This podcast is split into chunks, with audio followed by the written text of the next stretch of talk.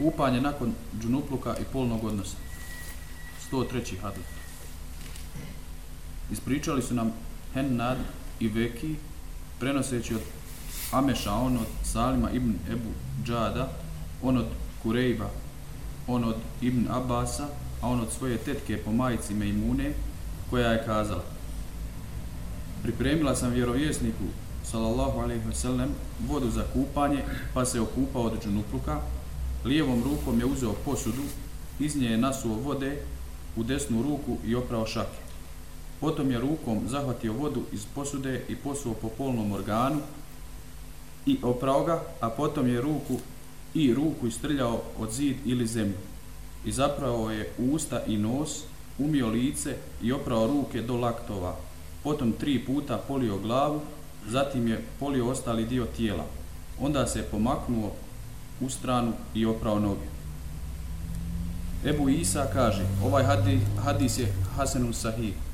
Na ovu temu je hadis prenesen još i od Ummu Seleme, Džabira, Ebu Sejda, Džubeira ibn Mutima i Ebu Hureyre. 104. hadis. Ispričao nam je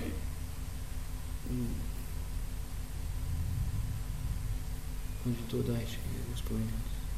Hadi sad se daješ, spomeni, pročitaj. Ispričao nam je Ibn Ebu Omer i kazao, nama je ispričao Sufjan Ibn Ujejne, on je prenio od Hišama Ibn Urvea, on od svoga oca, a on od Aiše koja je kazala, Allahu poslanik sallallahu alejhi ve sellem bi bi kada bi se htio kupati zbog džunupluka prvo oprao ruke prije nego ih stavi u posudu sa vodom zatim bi oprao polni organ uzeo bi abdest kao što ga uzima za namaz potom bi nakvasio kosu a zatim na glavu salio tri pregršti vode Ebu Isa kaže ovaj hadis je Hasenu Sahih odabrano mišljenje kod uleme je da prilikom kupanja treba prvo uzeti abdest, potom tri puta obliti glavu, potom cijelo tijelo i na kraju noge oprati. Ovako, ovako postupa većina učenjaka. Šafija, Ahmed i Ishak smatraju da bi gusul bio ispravan ukoliko bi nečista osoba zaronila u vodu, a ne bi prethodno uzela abdest. Bismillah, alhamdulillah, wassalatu wassalamu wa rasulillah. Draga braću, u islamu nema stida. Stid je ne znati, stid je ne pitati i griješiti Allahu subhanahu wa ta'ala. Tako da vidite da se ashabi, odnosno majka naša, žena od poslanika sallallahu alaihi wa sallam, imuna, zatim Aisha koja su prenijele ova dva haditha Allahu poslanika sallallahu alaihi wa sallam, nisu stidjele, čak u arapskom jeziku došla je riječ polni organ, da je Allahu poslanik sallallahu alaihi wa sallam oprao svoj polni organ. Tako s te strane, kad budemo govorili o ovoj problematici po pitanju džunupluka, onaj čovjek ne treba da se ustručava, jer, kažem, e, čovjek treba da se stidi, da bude prljav, čovjek treba da se stidi ako se ne očisti nakon velike ili male nužde, ili ako se ne okupa nakon polnog odnosa sa svojom ženom, ili ako bi ne do Allah šanu otišao da čini blud sa nekom drugom ženom, a ono što je čistoća, ono što je napredno u islamu, onaj, čovjek ne treba toga da se stidi kada je u pitanju naučavanje o svojoj vjeri. Imate šest stvari u islamu zbog čega je Allah subhanahu wa ta'ala obavezao da se čovjek okupa. Zbog šest uzroka došlo je u islamu da je obaveza čovjeku da se okupa. Neki od njih imate razilaženje kod islamskih učenjaka, ali ćemo spomenuti inša Allah ta'ala. Prvi uzrok zbog čega je Allah subhanahu wa ta'ala obavezao čovjeku kupanje jeste izlazak sperme bilo kod čovjeka, bilo kod žene. Allah subhanahu wa ta'ala spomenuo, spomenuo u Kur'anu da je stvoren čovjek hulika min ma'in dafiq od vode koja izlazi pod pritiskom, misli se na spermu.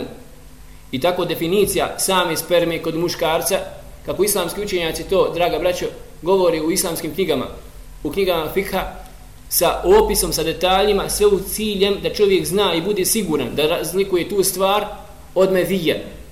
Razumijete li kako ne bi došao u situaciju da se kupa, nije obavezan da se kupa. Ili da se ne okupa, bude obavezan da se kupa. Kažemo to da nema stida u islamu. Kažu islamski učenjaci kad definišu spermu kod muškarca, da je ona bijela i da je onaj čvrsta da je čvrsta i da izlazi pod pritiskom. To je definicija tri osobine koje su došle po pitanju sperme muškarca. Za razliku sperme muška žene koja je žuta i onaj prozirna je, prozirna je i nije toliko čvrsta, tečna je kao što kažu islamski učenjaci u knjigama fikha. Oto da, draga braću, kažem, čovjek treba da vodi računa u slučaju da se, recimo, probudi, kao što se zna često desiti situacije takve i vjerujte, dosta puta ja sam znao, znalo mi doći pitanja oko toga, ne zna čovjek šta da li se treba kupati ili ne, pogotovo kada je zima. Probudi se, nađi nešto na vešu, ali ne zna šta je. Da se ne bi kupao džabe, ako to nije to, pita i tako dalje. Kažem sahabike, pazite, žene su znale doći Allahom poslaniku sallam sallam pitati po pitanju hajda. Nisu se stidjele. Razumijete li? Ali nema problema da muž pita ili čovjek kada je u pitanju žena onaj, za nju i tome slično, da se ne desi da žena možda ne klanja i po 10-15 dana, pazite, očekuje i misli da je to hajd, da je to menstruacija, da je nije dozvoljeno da klanja, a objelodani se na kraju, šta? Da je trebalo da klanja i prođe 5 ili 7 dana zbog neznanja ili stida nekakvog onaj, po pitanju ibadeta i upropasti propasti 5 ili 7 ili 10 dana svoga namaza ili svoga posta.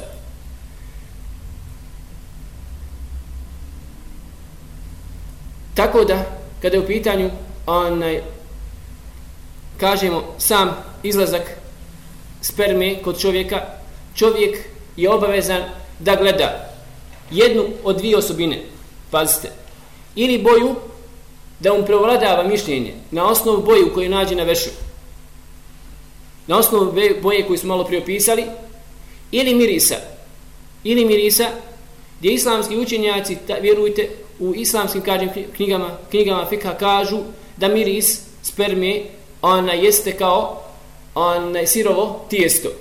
I gdje biva čovjek ukoliko bi našao takav miris na vešu, mora se okupati. Pa makar ne vidio ništa recimo u snu.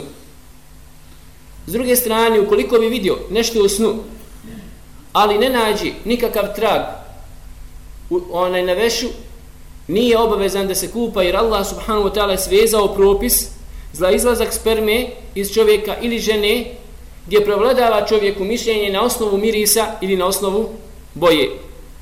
Šta ukoliko bi se čovjeku desilo? Da recimo primijeti tek nekad na veći, tek nekad na veći, nakon jacije, primijeti i bude siguran da je izašla iz njega sperma, ali nije to primijetio. Ne zna kada je bilo, da li je od sinoć, da li je od prije dva dana ili preksinoć i tome slično. Šta će da radi? A zasigurno džunup. Klanjao je možda četiri ili pet namaza kao džunup. Šta će da radi? Kažu islamski učenjaci u takvoj situaciji uzeće, uzeće, draga braćo, da će morati naklanjati namaze od posljednjeg spavanja. Uzeće da je izlaženje sperme bilo od posljednjeg njegovog spavanja. Ako je spavao na podne, znači nakon podni namaza ostaće da, da treba obnoviti i kindiju, šta? Akšam i jaciju nakon što se okupa odmah. Jel razumijete? Ako je spavao sinoć, naklanja će sabah, podni i kindiju, akšam i jaciju i Allah subhanahu wa ta'ala nikoga, šta? Ne zaduže iza njegove mogućnosti.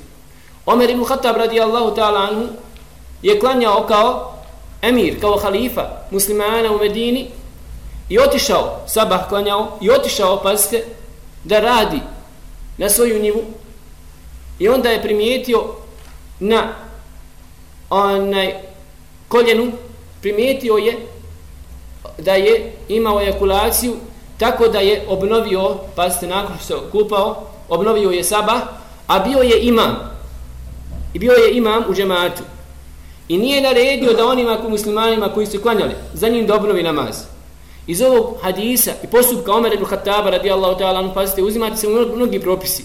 Jedan od propisa je taj da ukoliko bi čovjek bio imam nekome i nakon što je završio namaz i raziđu se sa mjesta, pa mu se objelodan i sjeti se da nije imao abdesta tokom dok je klanjanja, šta? Neće obnavljati džemaat, namaz, njemu namaz je ispravan. Obaveza je samo na imamu da obnovi namaz, zato što kaže Allah poslanik sallallahu alejhi ve sellem: "Yusalluna lakum." Oni će vam klanjati. Biće imama koji će vam klanjati. Fe in asabu felekum wa lehum. Pa ako pogode, ako bude njihov namaz ispravan, imate nagradu i on i vi i oni za taj namaz. Wa in ahtahu falahum falakum wa alayhim. Ako oni pogriješi, pazite, vi ćete imati nagradu, vi ćete imati ispravan namaz, a oni će snositi odgovornost za vaš namaz. Zato nemojte se sikirati, draga braće, ukoliko se nađete u takvom jednom džematu, gdje čovjek ima, pazite, pravi određene greške ili određene stvari čini, ali s ciljem da ne želite praviti razdor u džematu, s ciljem da onaj, ne napravite fitnu, belaj, među muslimanima i strpite se da očuvate jedinstvo muslimana jer je to naše vjerovanje. Pazite kaže Allah poslanik sallallahu alejhi ve sellem ovaj hadis vi ćete imati ispravan namaz oni će imati grijeh. S druge strane Allah poslanik sallallahu kaže al imamu damin imam je garancija tvog namaza. On snosi odgovornost pred Allahom subhanahu wa ta'ala. Wal mu'adhdhinu mu'taman. A mu je povjerljiv on snosi odgovornost za ezan. Da li na vrijeme da li nije na vrijeme i tako dalje. Ali želimo samo, znači, napomenuti ove neke fajde koje su došle uz put, ono o čemu govorimo, da je Allah subhanahu wa ta'ala obavezao čovjeka i ženu da prilikom izlaska sperme kod čovjeka ili žene bilo na javi ili u snu, bilo, pazite, na način zadovoljavanja zbog strasti ili zbog bolesti, jer može da čovjeku izađe sperma zbog bolesti, Čak spominju onaj doktori da može od prevelike radosti i uzbuđenja onako od dragosti, pazite, da izađe sperma kod čovjeka ili kod žene, tako da i u svim ovim slučajevima, svi ovim slučajevima, obaveza čovjeku i ženi je da se okupa jer je Allah subhanahu wa ta'ala svezao propis kupanja za izlazak sperme iz čovjeka ili žene. Kada se desi ova stvar, desi se kupanje. Kad nema ove stvari, šta? Desi se nema kupanja. Ukoliko bi čovjek sumnjao, ne zna, pazite, 50%, 50%, ne zna da li je sperma. Možda je sperma, a možda je medi, što podrazumijeva tečnost koja izlađe prilikom nadražaja. Ali to nije voda, niti tečnost koja izlazi zbog naslađivanja ili pod pritiskom. Pazite. Nego zbog uzbuđenja. Tada uzima se manja stvar, a to je medi tada kažem, ako čovjek nije siguran, ili žena, probudi se nešto primjer radi sanjao, ili sanjala, ne zna šta je, jer čovjek nema odgovornost za ono što se desi u snu, u tom slučaju, u tom slučaju ne može da procijeni, nije siguran, nema argumenta zbog boje ili zbog mirisa, žena ili muškarac, nije siguran da li je sperma ili je to mevi, kažemo mi to je mevi, treba oprati tijelo i treba oprati odjeću samo i nema kupanja, razumijete li? Uzima se manji propis, jer nije dozvoljeno prijeći sa manjeg na više bez argumenta. Je vam jasno? Druga stvar, zbog koje Allah subhanahu wa ta'ala obavezao kupanje žene i muškarca, a to je polni odnos. Pazite, dobro. Polni odnos.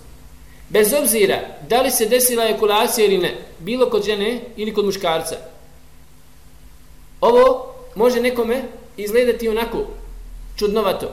Ali vjerujte, draga braćo i sestre, da vezano za sam polni odnos, Allah subhanahu wa ta'ala je svezao preko 75 propisa.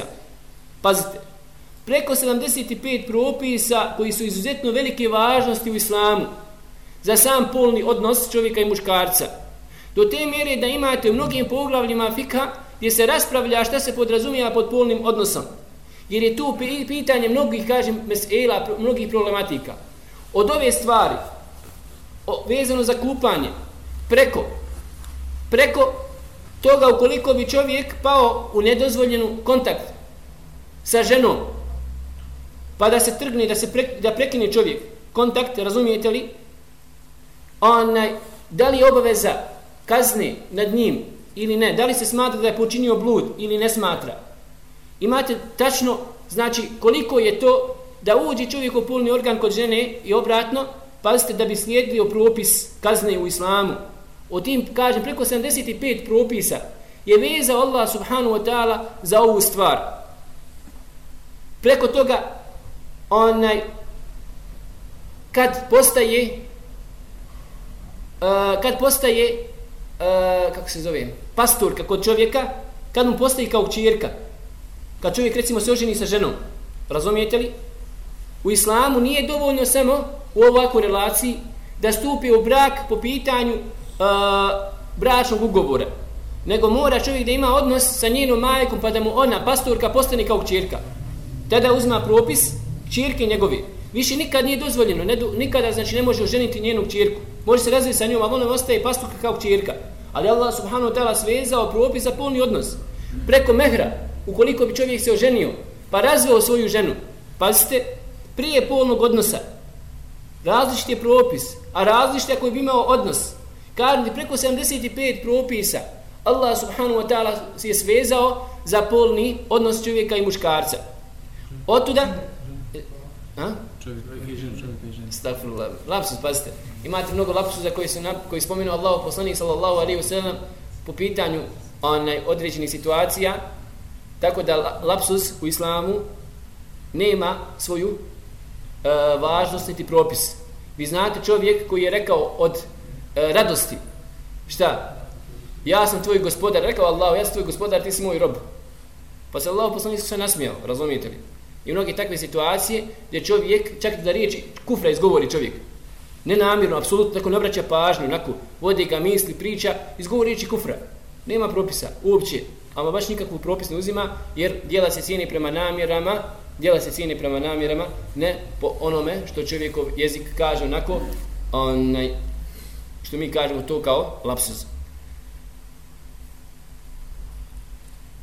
To je, znači, drugi propis odnosno drugi uzrok kupanja sam znači polni odnos da zaista braćo moramo te stvari da spomenimo da je u momentu da glava kod polnog organa muškarca uđe tada se podrazumijeva da se desio polni odnos. Sve do tada sve do tada ne broji se polni odnos mašta se desilo između čovjeka i žene i nema kupanja onaj prije toga. Jel razumijete? Pa makar čovjek i ne doživio orgazam, makar žena ne doživila orgazam, ukoliko se desi polni, polni odnos na ovakav način, obaveza kupanja biva u islamu.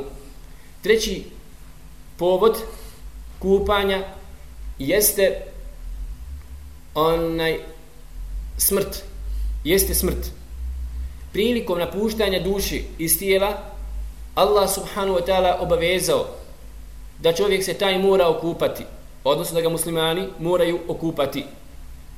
Zbog napuštanja duše iz tijela i to imate mnogo haditha Allahu poslanika sallallahu alaihi wa sallam poput haditha koga bilježi imam i Buharija vezano za onog hađiju koga je prekazila jahalica, deva, zdrobila ga i ubila ga pa je rekao Allahu poslanika sallallahu alaihi wa sallam bima sidr. Okupajte ga sa vodom i sidrom. Naredio Allahu poslanik zbog smrti, zbog nastupanja smrti da se taj čovjek mora okupati. Četvrti povod kupanja jeste hajd i nifas.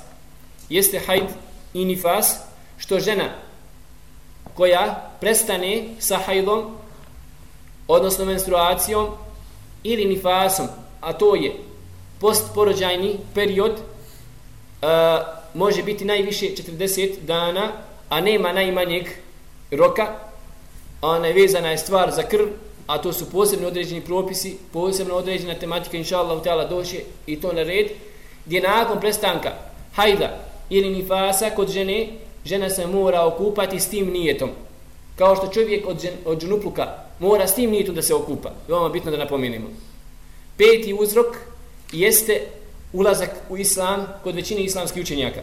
Kod većine islamskih učenjaka kako je naredio Allah poslanik sallallahu alejhi ve sellem mada je hadis daif jednom od ashaba koji je primio islam rekao mu je onaj obri svoju glavu onaj i okupaj se. Mada kažem hadis je daif ali ima svoj osnov općenito onaj u islamu.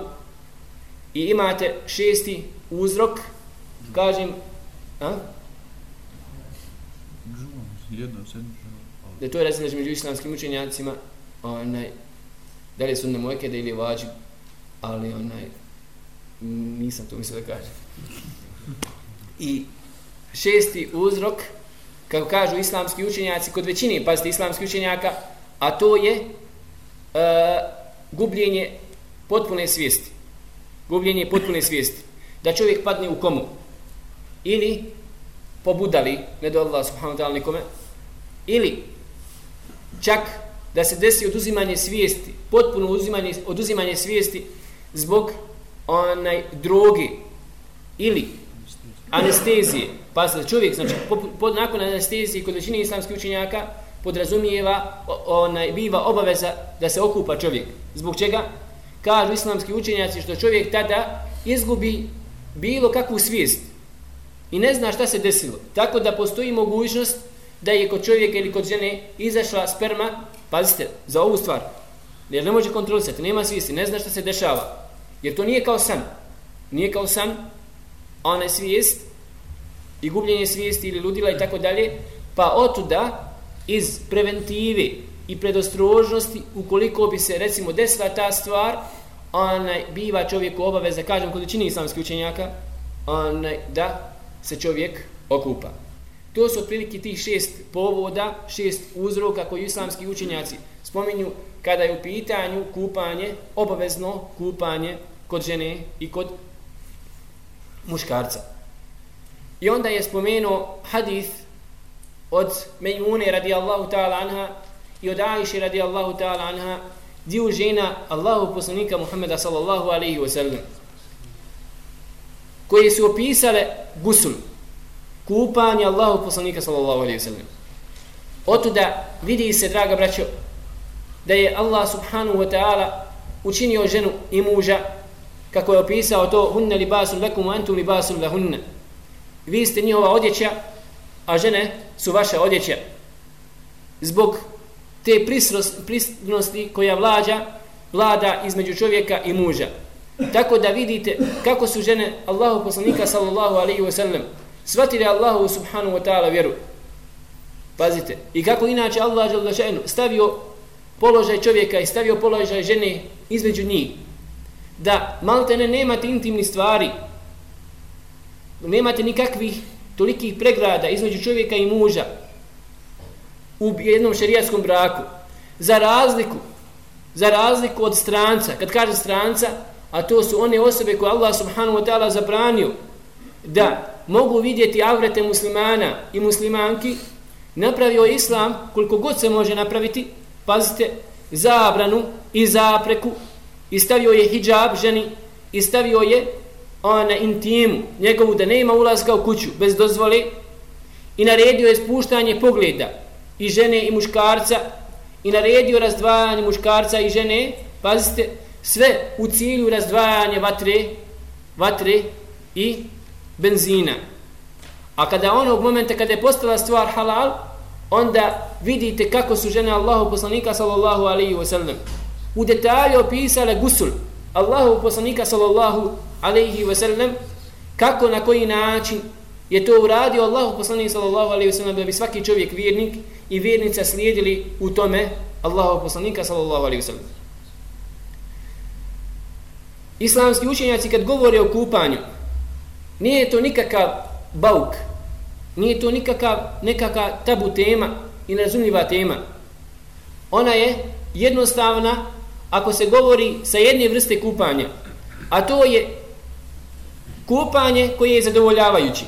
Pazite, imate zadovoljavajući kupanje koje podrazumijeva da čovjek izapere usta i nos i da oblije i sapere svoje tijelo od glave do pete ka, sa nijetom sa nijetom od dženabeta, kupanje od dženupluka ili od hajda i nifasa koji je u srcu mi kažemo to kupanje je potpuno, to kupanje je ispravno. Je vam jasno? A imate drugu vrstu kupanja koje se podrazumijeva kupanje sa sunnetima. Što podrazumijeva da čovjek slijedi ovo što je došlo u sunnetu Allahu poslanika sallallahu alaihi wasallam u detalje. Kako nam je prenijela Mejmuna i kako nam je prenijela Aisha radijallahu ta'ala anha. Hadith od Mejmune se razlikuje od haditha od Ajše gdje se prenosi u hadith od Mejmune da Allahu poslanik sallallahu alejhi ve sellem uzeo abdest sve do mesha. Razumijete li? Pa kada je treba uzeti mes, onda je sapr, onaj, polio vodu na svoju glavu. Za razliku od Ajše, koja je prenira da je Allah poslanik ve sellem skroz završio abdest. Oprao i noge, pa tek nakon toga počeo da sapire svoje tijelo. Gdje kaže Majmuna, radi Allahu ta'ala anha, da je Allah poslanih sallam uzeo posudu sa vodom, zatim je nagio, pazite, lijevom rukom posudu i oprao je desnu. Razumijete li? Oprao je znači ruke, tek nakon toga što je oprao, nakon što je oprao ruke, stavio je svoju ruku šta? U posudu. Iz ovog uzimamo propis, ono što smo govorili, da biva čovjek obaveza da opere ruke šta? Prije nego što je stavi u posudu. A s druge strane, da voda koja bi pala sa tijela čovjeka prilikom kupanja eventualno, kao da imate recimo lavor ili banju u kojoj imate vodu, posudu, pa ukoliko bi prilikom sapiranja vašeg tijela pala ona voda, na vodu, čistu vodu tamo, mi kažemo da ta voda nije opoganjena, nije voda onečistila se. Jer Allah poslanik se samim tim što je saprao ruke i onako mokre, stavio u posudu, čistu posudu, jasan je dokaz da ta voda nije opoganjena kao što to imate ubježenje nekakvo kod naroda našega, razumijete li? Bar ja, kao što sam, kada sam bio malan, sjećam se, meni su to govorili da ne smije nikad staviti onaj, se voda ruka u vodu, opoganit se i tome slično. Ne, draga braća, razumijete li? Toga nema, vidite, jasan hadis Allahu poslanika, sallallahu alaihi wasallam. I nakon toga je Allah poslanik sallallahu alaihi wasallam, onaj, oprao prvo, prvo, Znači, nakon nijeta, pazite, nijet je vama bitan. U uslovi ispravnosti gusule jeste nijet, koji je u srcu. Da čovjek zanijeti, znači čim samim tim što čovjek osjeća, da ne može klanjati, da ne može nikakav ibadet raditi, i krene u banju da se kupa s tom namjerom, taj nijet već postoji u srcu. Ali to se podra... to, gdje se vidi razlika u nijetu? Kao kada bi čovjek bio negdje na primjer na jezeru i okupa se, I nakon što se ugupao, izašao, sjeti se, a? Bio sam džunup. Ajde neka ono bude kupanje što sam malo prije uradio, neka bude na ime šta? Džunup. Ne, mi kažemo ne može, mora biti s nijetom. Jel razumijete? Tu se vidi razlika u nijetu. Jel razumijete? Tu se vidi razlika u nijetu. A ne sada da čovjek krene da se kupa i stotinu puta nijeti. Za ovo je za ne, to niko nije rekao da sam skričenjaka, draga braću. U ovakvoj situaciji, ono koju smo navjeli, vidi se razlika u nijetu, onaj, gdje čovjek mora, kažem, voditi računa da to bude sa nijetom ženabeta, odnosno žena, ako je od hajda, mora imati nijet da je to od hajda kupanje, ako je u nifasu, završila se nifas, da bude to sa nijetom, nijetom nifasa. I prvo nakon toga, što bi oprao ruke Allah, poslanih sallahu sallam, oprao bi polni organ. Polni organ sa lijevom rukom, nakon čega bi oprao, kao što je došlo u hadisu, da bi od zid istrljao Allaho poslanik sallallahu alaihi wasallam svoju lijevu ruku, što kažu islamski učenjaci, može sa punom, može četkom, može onaj, sa punom rukom od ruku da čovjek očisti svoju ru ruke, pazite, i nakon toga uzeo je Allah poslanik sallallahu alaihi wasallam abdest. Kod Majmune, u hadithu njenom koja prenosi, uzeo je abdest, što podrazumijeva, sav abdest do mesha. I kada je htio da uzme mes, sapravo je, šta? Glavu, opravo je glavu i onaj prvo desni dio tijela, nakon toga lijevi. Skroz od glave, od ramena, znači desni dio tijela do peta i onda lijevi. Draga braći, ovo je bitno da shvatite, jer kupanje mejita, gasuljenje biva na isti način. Gasuljenje mejita biva na isti način. Ukoliko bi čovjek se sutra nekada zadesio u situaciju da hoće jer to je tako predviđeno. Velika je nagrada došla za onoga ko bude okupao Mejita, treba da postupi na takav način. Razumijete li? Treba da postupi, postupi na takav jedan način, jer nema razlike, nema razlike između kupanja živoga i kupanja mrtvoga. Osim određenim detaljima, onaj, poput, kako je došlo kod islamskih učenjaka po pitanju kupanja Mejita, jer vi znate da tada zna se veoma često desiti, s obzirom da više nema života u tijelu, da izlazi nečist kod čovjeka iz dva otvora, gdje nakon one sapiranja i pranja, ako i dalje izlazi nečist kod čovjeka, može se desiti čak i na usta i tako dalje, onda islamski učenjaci u prijašnjem vremenu stavljali su ilovače, pazite, uzimali bi zemlje ilovače i zatvorili bi otvore da ne bi izlazila nečist kod medita, ona, ili da čovjek stavi vatu Razumijete li? I da se zatvori, otvori usta ili dva otvore onaj kod čovjeka. I nakon toga pristupilo bi se uzimanje mejitu abdest. Kao što se čovjek abdesti. Razumijete li?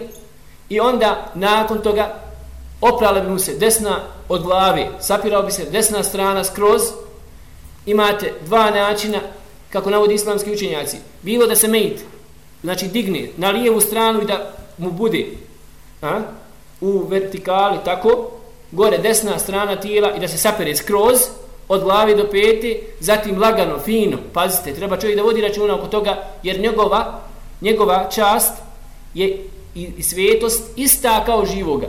Nema razlike u islamu između mrtvoga i živoga po pitanju časti njegove.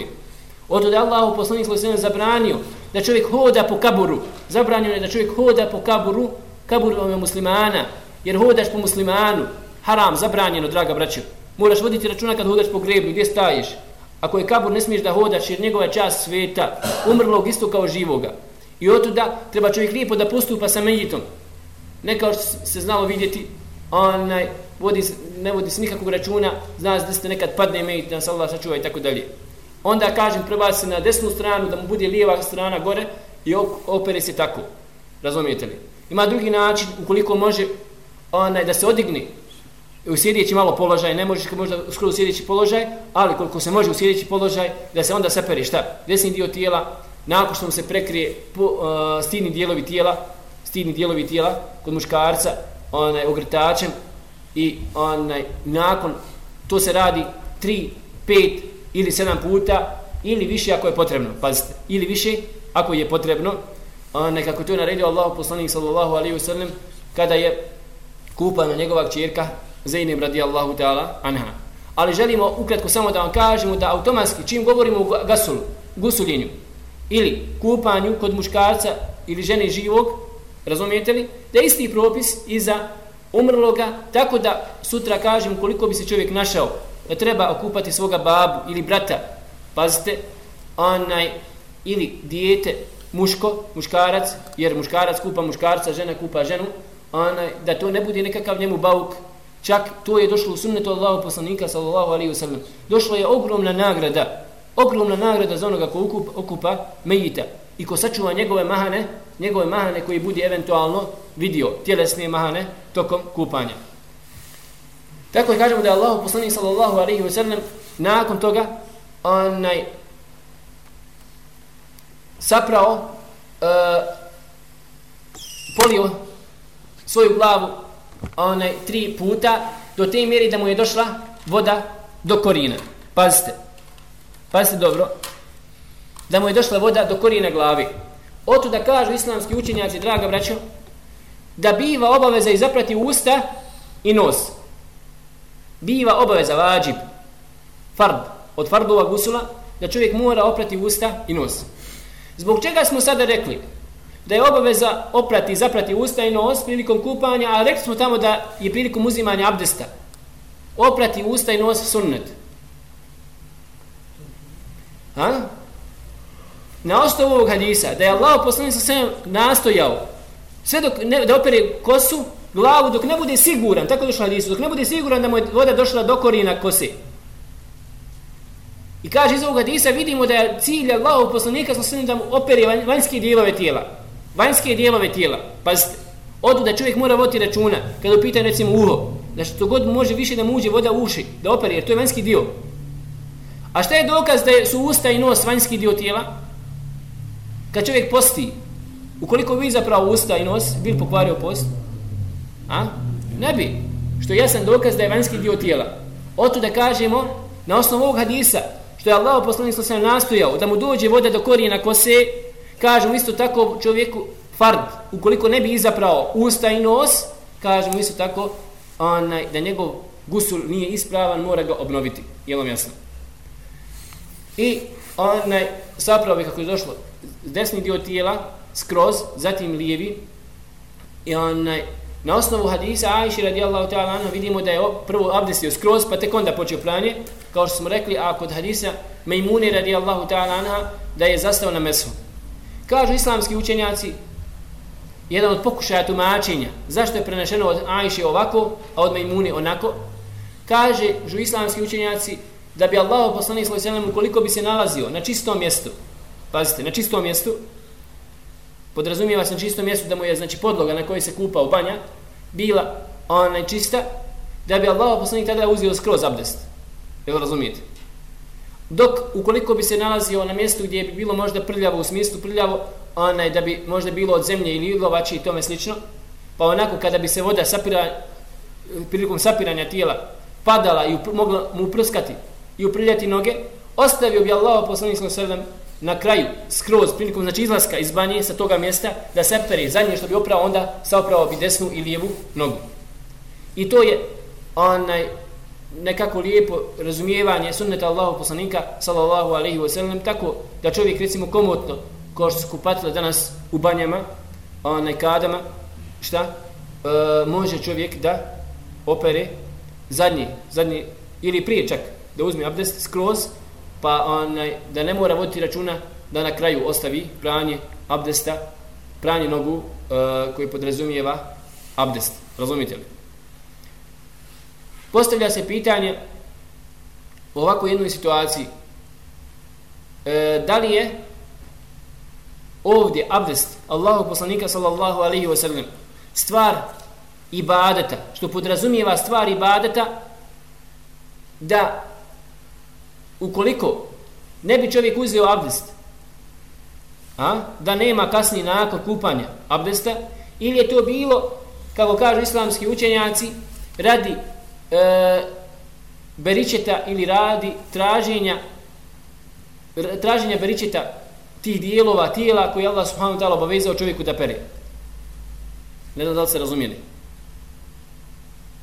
Kažu islamski učenjaci da je to radi beričeta i radi davanje prednosti ovim dijelovima tijela koje Allah subhanahu wa ta'ala odlikovao.